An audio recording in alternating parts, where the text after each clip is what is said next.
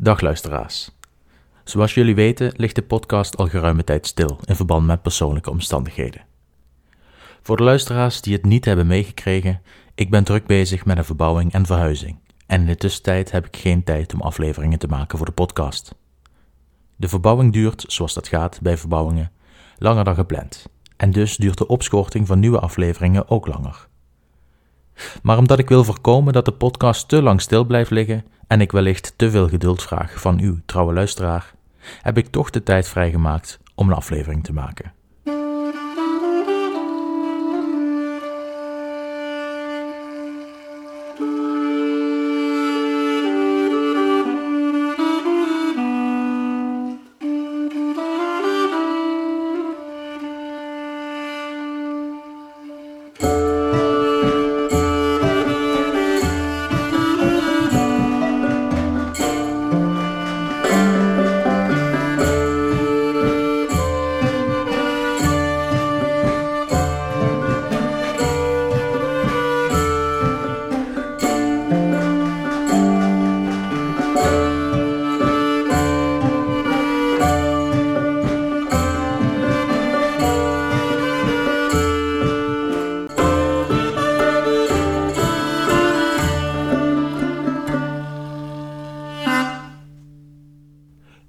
Keer hebben we de aflevering afgesloten in Italië, waar enkele jaren lang de zogenaamde worsteling tussen Hannibal en de Romeinen heeft plaatsgevonden. Getekend door vele kleine schermutselingen, weinig tot geen winst van territorium, talloze overnames van steden door zowel de Romeinen als de Carthagers en hier en daar een volk dat overliep van de ene naar de andere kant, zonder dat dit alles een grote verschuiving teweegbracht die het conflict zou kunnen veranderen.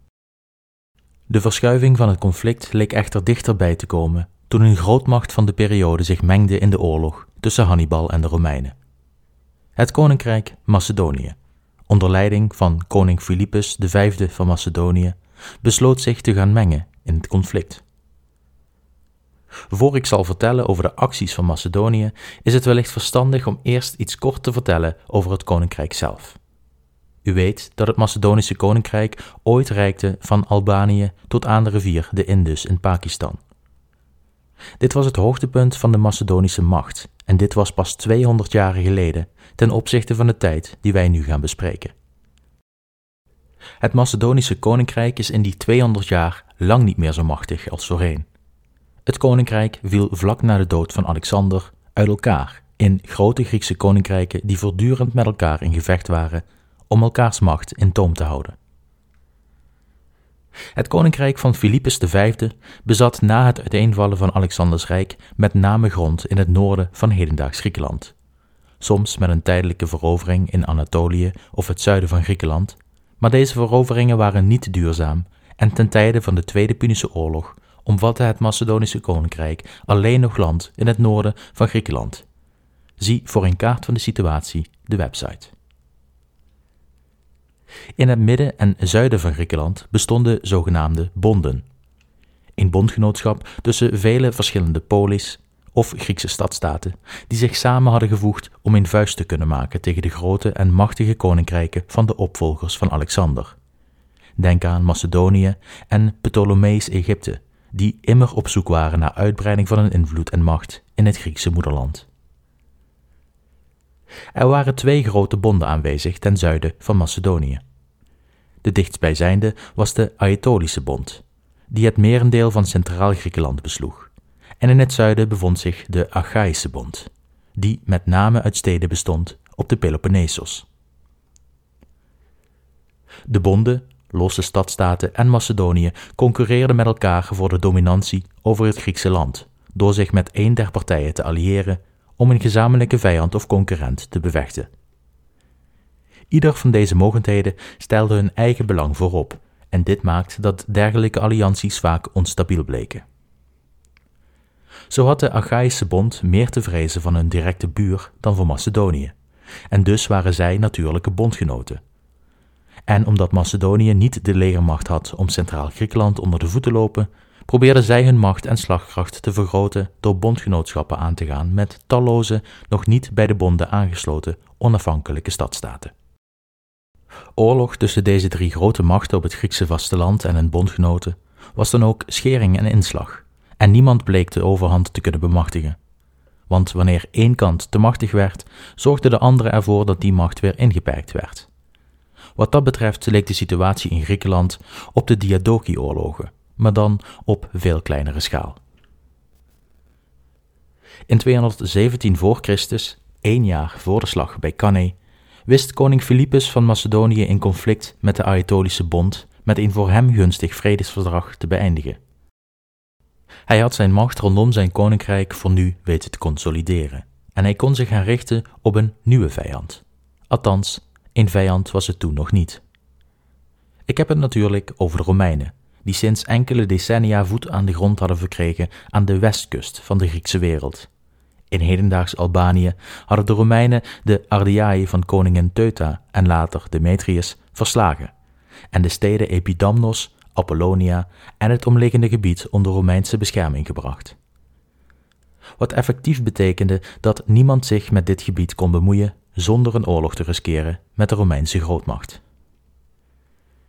Philippus, die dit gebied als vanzelfsprekend zag als de zijne, was hier allerminst blij mee en aangemoedigd door de eerder genoemde Demetrius, die nadat hij was verslagen door de Romeinen was gevlucht naar het hof van Philippus, liet hij zich overhalen om het gebied op de Romeinen te veroveren.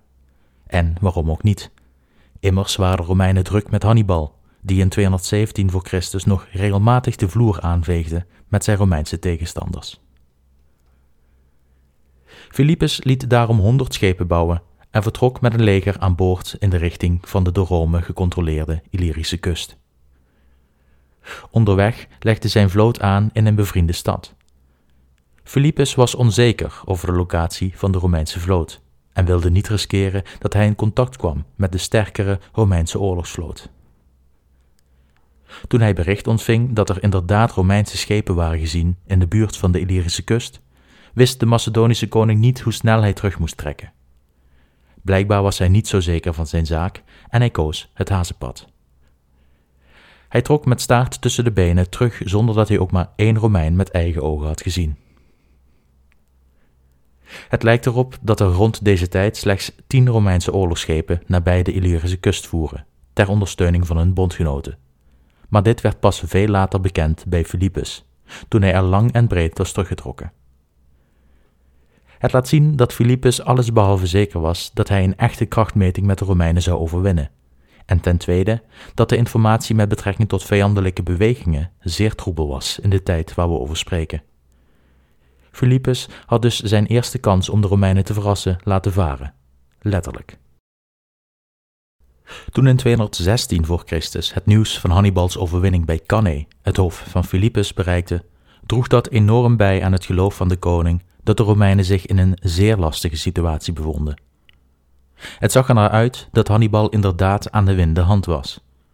In bondgenootschap tussen Hannibal en Philippus zou bijdragen aan de kans dat de Romeinen verslagen zouden worden. En het enige dat de Macedoniërs wilden voor hun hulp aan Hannibal was het Romeinse Illyrische grondgebied. Een gebied waar Hannibal geen interesse in had. En zo kon het dat in 215 voor Christus er voor het eerst een officiële delegatie vanuit Pella naar Hannibal werd verstuurd om het bondgenootschap te bevestigen. De eerste delegatie bereikte inderdaad Hannibal in Zuid-Italië. Hannibal stond positief tegenover de aangereikte hand vanuit Macedonië, en toen de formaliteiten de revue gepasseerd waren, vertrok de delegatie met een door Hannibal geaccordeerde overeenkomst terug naar Pella. Echter werden ze op hun terugtocht onderschept door Romeinse soldaten, die hen vroegen naar de bedoelingen van de reizigers. Ze probeerden de Romeinen om de tuin te leiden door te stellen dat ze contact hadden gezocht met Rome om een bondgenootschap tussen de Romeinen en Philippos te bewerkstelligen. Maar het Carthaagse gezelschap dat door Hannibal met de delegatie was meegestuurd richting Pella, verraadde de uiteindelijke bedoeling van het gezelschap door een accent en de klederdracht. De delegatie werd gearresteerd en het verdrag dat zij met zich meedroegen werd ontdekt en in beslag genomen. De Romeinen wisten nu van de snode plannen van Philippus. Later stuurde Philippus nog een delegatie die er wel in slaagde het geaccordeerde verdrag terug te brengen naar Pella. Het bondgenootschap was nu officieel. De precieze inhoud van het verdrag is onbekend. En uit de acties ondernomen door de bondgenoten blijkt dat het waarschijnlijk niet ging om harde afspraken elkaar direct te ondersteunen. Waarschijnlijk ging het om een intentieverklaring van de Macedoniërs om Rome aan te vallen aan de Illyrische kust. Dit zou Hannibal indirect helpen totdat de druk op de Romeinen nog verder werd opgevoerd dan nu al het geval was. Het verdrag bevatte waarschijnlijk ook afspraken over de tijd na de oorlog met Rome. Als Hannibal erin zou slagen de Romeinen in Italië te verslaan, verwachtte men nog steeds dat de Romeinen voldoende macht bezaten om op een later tijdstip een gedegen tegenstander te zijn voor een van de twee bondgenoten. En dus is het goed mogelijk dat ze afspraken maakten om elkaar te hulp te schieten, wanneer de Romeinen een van de twee zouden aanvallen. Ook schijnt er een afspraak te zijn gemaakt dat men niet zomaar vrede zou sluiten met de Romeinen in het huidige conflict, zonder dat de andere partij daarbij betrokken zou worden. Zo wilden ze voorkomen dat een van de twee kampen vrede sloot met de vijand, wat zou betekenen dat de ander er alleen voor kwam te staan. Deze afspraak werd later echter niet gehonoreerd, maar zoals gezegd weten we niet precies wat er in het verdrag stond, en dus kan het net zo goed een fabricatie van latere tijden zijn. Toen de Romeinen het verdrag onder ogen kregen, groeide de angst voor een Macedonische invasie. Niet alleen van de Illyrische kust, maar ook van het Italiaanse vasteland, zoals enkele eeuwen ervoor ook Pyrrhus van Epirus had gedaan. Het Macedonische leger was sterk en had, dankzij Alexander, een reputatie een uitmuntend leger te zijn. Tel dat op bij de trauma's die de Romeinen hadden overgehouden aan de campagne van Pyrrhus, en u kunt zich wellicht voorstellen dat de Romeinen zich grote zorgen maakten, zeker wanneer ook nog eens Hannibal vrij rondloopt in je achtertuin.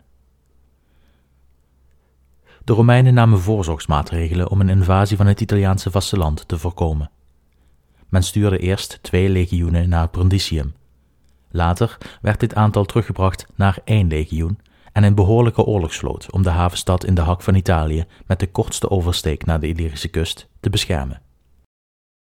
Philippus viel dat jaar de havenstad Apollonia aan vanaf de zee, maar hij slaagde er niet in de stad te veroveren door sterk verzet van de Romeinse bondgenoten. Hij belegerde de stad en stuurde een deel van zijn leger naar Oricum, niet ver van Apollonia vandaan, waar hij in de nacht een verrassingsbestorming liet uitvoeren die de stad in zijn bezit bracht. De Romeinen reageerden vrijwel direct door het legioen in Brundisium op de boten te laden en in de richting van Oricum te sturen. Het Macedonische garnizoen was niet opgewassen tegen de Romeinse legermacht en werd vrij eenvoudig verslagen. De stad was weer in Romeinse handen. Daarna marcheerde Laevinus over land naar Apollonia, waar de Romeinen de belegering doorbraken en door constante uitbraken vanuit de stad de Macedoniërs wisten te verjagen. De aanval van Philippus was mislukt. De koning kon niet via de zee terugtrekken door de aanwezigheid van de Romeinse vloot. Hij verbrandde daarom zijn 120 schepen en trok terug naar Macedonië via land. Het Romeinse legioen, onder leiding van praetor Laevinus, bleef gestationeerd in Illyrië en had als missie het gebied te beschermen tegen eventuele aanvallen van Macedonië. Door de aanhoudende gevechten in Italië en de grote verliezen die de Republiek in het conflict met Hannibal had geleden, maakten dat er onvoldoende manschappen beschikbaar waren voor Laevinus om een agressieve campagne tegen Philippus op te zetten. Laevinus kreeg daarom de opdracht van de Senaat om te voorkomen dat Philippus een grote havenstad in handen kreeg, waarvan hij een invasie van het Italiaanse vasteland kon opzetten. Philippus herstelde snel van de schermutselingen van 215 voor Christus. En één jaar later ondernam hij een nieuwe campagne om de Illyrische kust in handen te krijgen. Vanuit Macedonië vertrok hij over land in de richting van Illyrië. Hij nam de route over het Pindosgebergte en kwam in 214 voor Christus wederom aan in Illyrië, ditmaal aan de oostkant. Hier wist hij enkele Illyrische steden en dorpen te veroveren zonder dat Laevinus iets ondernam om hem tegen te houden. Dit in verband met eerder genoemde tekorten aan manschappen en de druk waaronder de Romeinse Republiek in deze tijd gebukt ging. Pas toen Philippus in 212 voor Christus de uiterst noordelijke havenstad Lysus veroverde en hij een potentiële springplank verkreeg om een invasie van Italië op te zetten, kwam de Senaat tot de realisatie dat de Macedonische dreiging in het oosten niet langer kon worden genegeerd. De Romeinen waren echter niet in staat om Philippus in hun eentje te verslaan. Hannibal vergde immers nog steeds enorme investeringen van de Republiek in Italië zelf, en men had onvoldoende manschappen te sparen om Philippus in Illyrië te verslaan. Daarom koos de Senaat ervoor om de diplomatieke banden met de Griekse bonden en stadstaten aan te halen. De Romeinen sloten een verdrag met de Aetolische Bond, de natuurlijke vijand van Macedonië. Het verdrag werd zo opgesteld dat deze zeer aantrekkelijk was voor de Aetolische Bond. Men kwam overeen dat alle te veroveren steden aan de bond zouden worden overgedragen, en in ruil zouden de Romeinen de buit uit deze steden ontvangen. Tenzij de Aetolische Bond alleen of gezamenlijk met de Romeinen de stad zouden veroveren, dan was alles voor de bond. Aangezien de Aetolische Bond een voor hen nadelige vrede was opgedrongen door Philippus enkele jaren eerder, was het niet moeilijk om hen over te halen de vijandelijkheden jegens Macedonië te hervatten. En ook andere stadstaten zoals Sparta, Elis en zelfs het koninkrijk Pergamon aan de Anatolische kust kregen dezelfde voorwaarden gepresenteerd door de Romeinen. Er ontstond een coalitie aan anti-Macedonische bondgenoten, die door heel Griekenland, soms tezamen en soms onafhankelijk van elkaar, op vele verschillende plekken tegelijk de Macedonische steden en bondgenoten aanvielen. Er ontstond in wezen nu ook een worsteling in Griekenland, zoals Hannibal worstelde in Italië. Philippus kon zijn plannen voor een invasie van Italië, voor zover die er überhaupt waren, in de koelkast zetten. Hij moest voorkomen dat zijn machtsbasis in Griekenland verloren zou gaan. In Griekenland ontstond een ingewikkelde situatie van verschillende bondgenootschappen en een labyrint aan stadstaten geallieerd aan ofwel het ene ofwel het andere kamp. Talloze, vaak kleinschalige gevechten braken uit over heel Griekenland. De schaal van het conflict werd door de jaren heen alleen maar groter en ingewikkelder. Omdat de Romeinen in Italië weer voorzichtig successen begonnen te boeken tegen Hannibal tijdens de worsteling, bleken steeds meer Griekse steden bereid zich aan Rome te alliëren en de wapens op te pakken tegen Macedonië en haar bondgenoten voor persoonlijk gewin. In 210 voor Christus ging Elis overstag niet veel later Sparta. En in 209 voor Christus voegde ook het koninkrijk Pergamon zich aan de Romeinse kant. Terwijl de Achaeese bond zich bedreigd zag door steden als Sparta en Elis en zich aan de kant van Philippus voegde. De Illyriërs, die ten noorden van het Romeinse grondgebied in Albanië leefden, voegden zich ook bij de Romeinen. De jonge Macedonische koning zag zich ineens geconfronteerd met vijanden aan alle kanten van zijn koninkrijk. Om deze dreiging het hoofd te bieden, moest de koning zich van zijn beste kan laten zien. En dat deed hij. Met enorme vastberadenheid stortte Philippus zich op de verdediging van zijn koninkrijk en zijn bondgenoten. Hij dook op vele plekken op om het gevecht aan te gaan, en hij toonde zich een uitstekend veldheer door zijn logistiek en gevechten. Maar ook de jonge koning kon niet overal tegelijk zijn, en net als in Italië het geval was, waar Philippus niet was, daar waren de Romeinen, of eigenlijk de Romeinse bondgenoten, wel. Met Philippus volledig geoccupeerd in Griekenland waren de Romeinse belangen veiliggesteld. De Illyrische kust bleef veilig en de dreiging van een invasie van Italië was afgewend. Praetor Laevinus had zijn werk uitstekend gedaan met de beperkte middelen tot zijn beschikking. Hij vertrok richting Rome om tot consul verkozen te worden in 210 voor Christus en een van zijn besluiten was het terugbrengen van het aantal legioenen in Griekenland.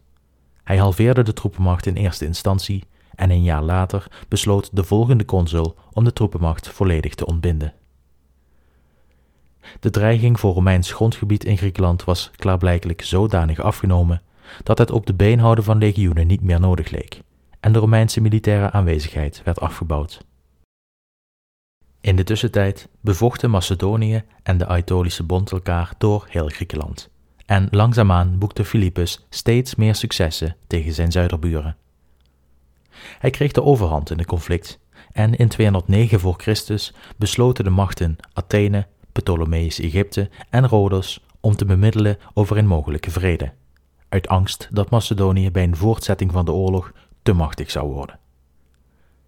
De vredesbesprekingen slaagden niet en na het verstrijken van een dertig dagen durende wapenstilstand werd de oorlog hervat.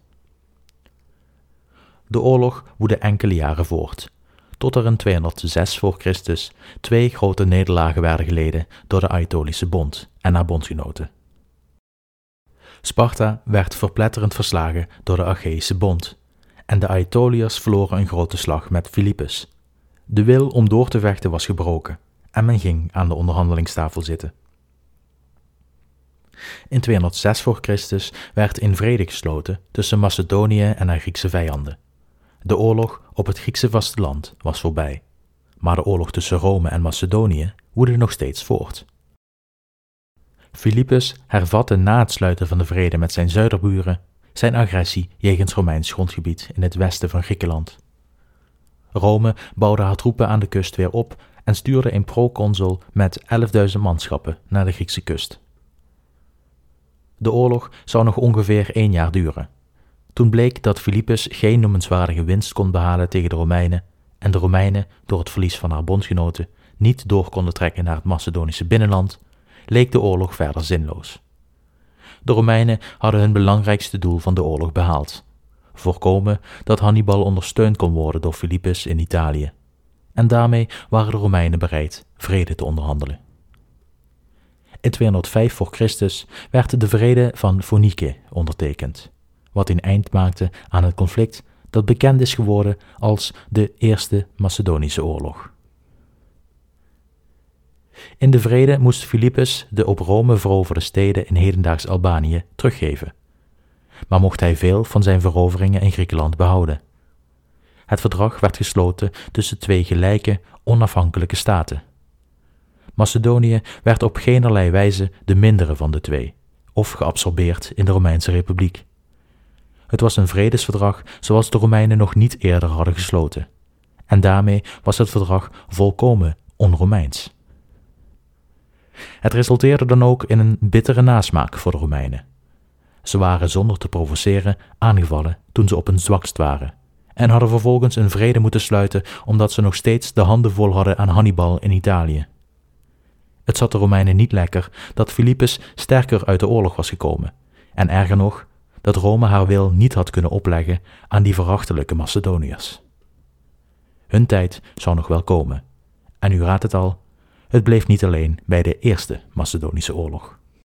De Romeinen zouden namelijk vrijwel direct na het verslaan van Carthago de bittere nasmaak wegspoelen met zoete wraak. Maar dat is iets voor een volgende aflevering. De Macedonische oorlog bracht niet veel veranderingen met zich mee voor Rome, maar wel voor de Griekse wereld. Voor het eerst clashten de twee werelden met elkaar en zouden ze ook blijvend met elkaar verstrengeld raken. De diplomatie die werd beoefend door de Romeinen in de Griekse wereld was zeer belangrijk voor de uitkomst van de oorlog. En ik heb deze ten behoeve van de podcast ook lang niet zo uitgebreid kunnen behandelen als ik zou willen. De oorlog die in Griekenland uitgevochten werd, is bij ons bekend komen te staan als de Eerste Macedonische Oorlog. Maar toen ter tijd heette de oorlog in de Griekse wereld de Aetolische Oorlog. De Aetolische Bond was de senior partner in het bondgenootschap met de Romeinen en niet Rome. Het was voor de Grieken een conflict tussen Macedonië en haar bondgenoten tegen de Aetolische Bond en haar bondgenoten, waaronder ook Rome viel.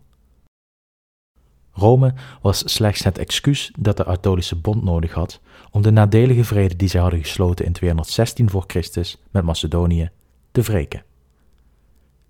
Het verklaart waarom Rome slechts zo'n beperkte rol speelde in het conflict en waarom de Aetolische Bond bleef doorvechten toen Rome al haar troepen uit Griekenland terugtrok.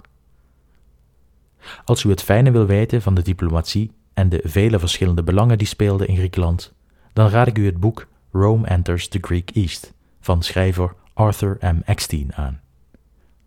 Dit boek beschrijft de Eerste Macedonische Oorlog en nog veel meer dat in de podcast nog komen gaat, zeer uitgebreid en geeft een goed inzicht in de geopolitiek van die tijd. In de volgende aflevering gaan we het hebben over Sicilië, waar de dood van de tiran van Syracuse zorgt voor een intern conflict dat uiteindelijk leidt tot het verbreken van het bondgenootschap met Rome en het aansluiten bij Carthago.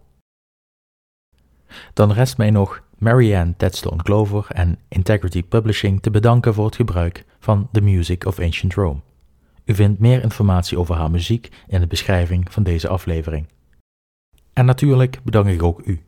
Ten eerste voor het geduld dat u moet opbrengen voor iedere aflevering. En ten tweede, zoals altijd, voor het luisteren.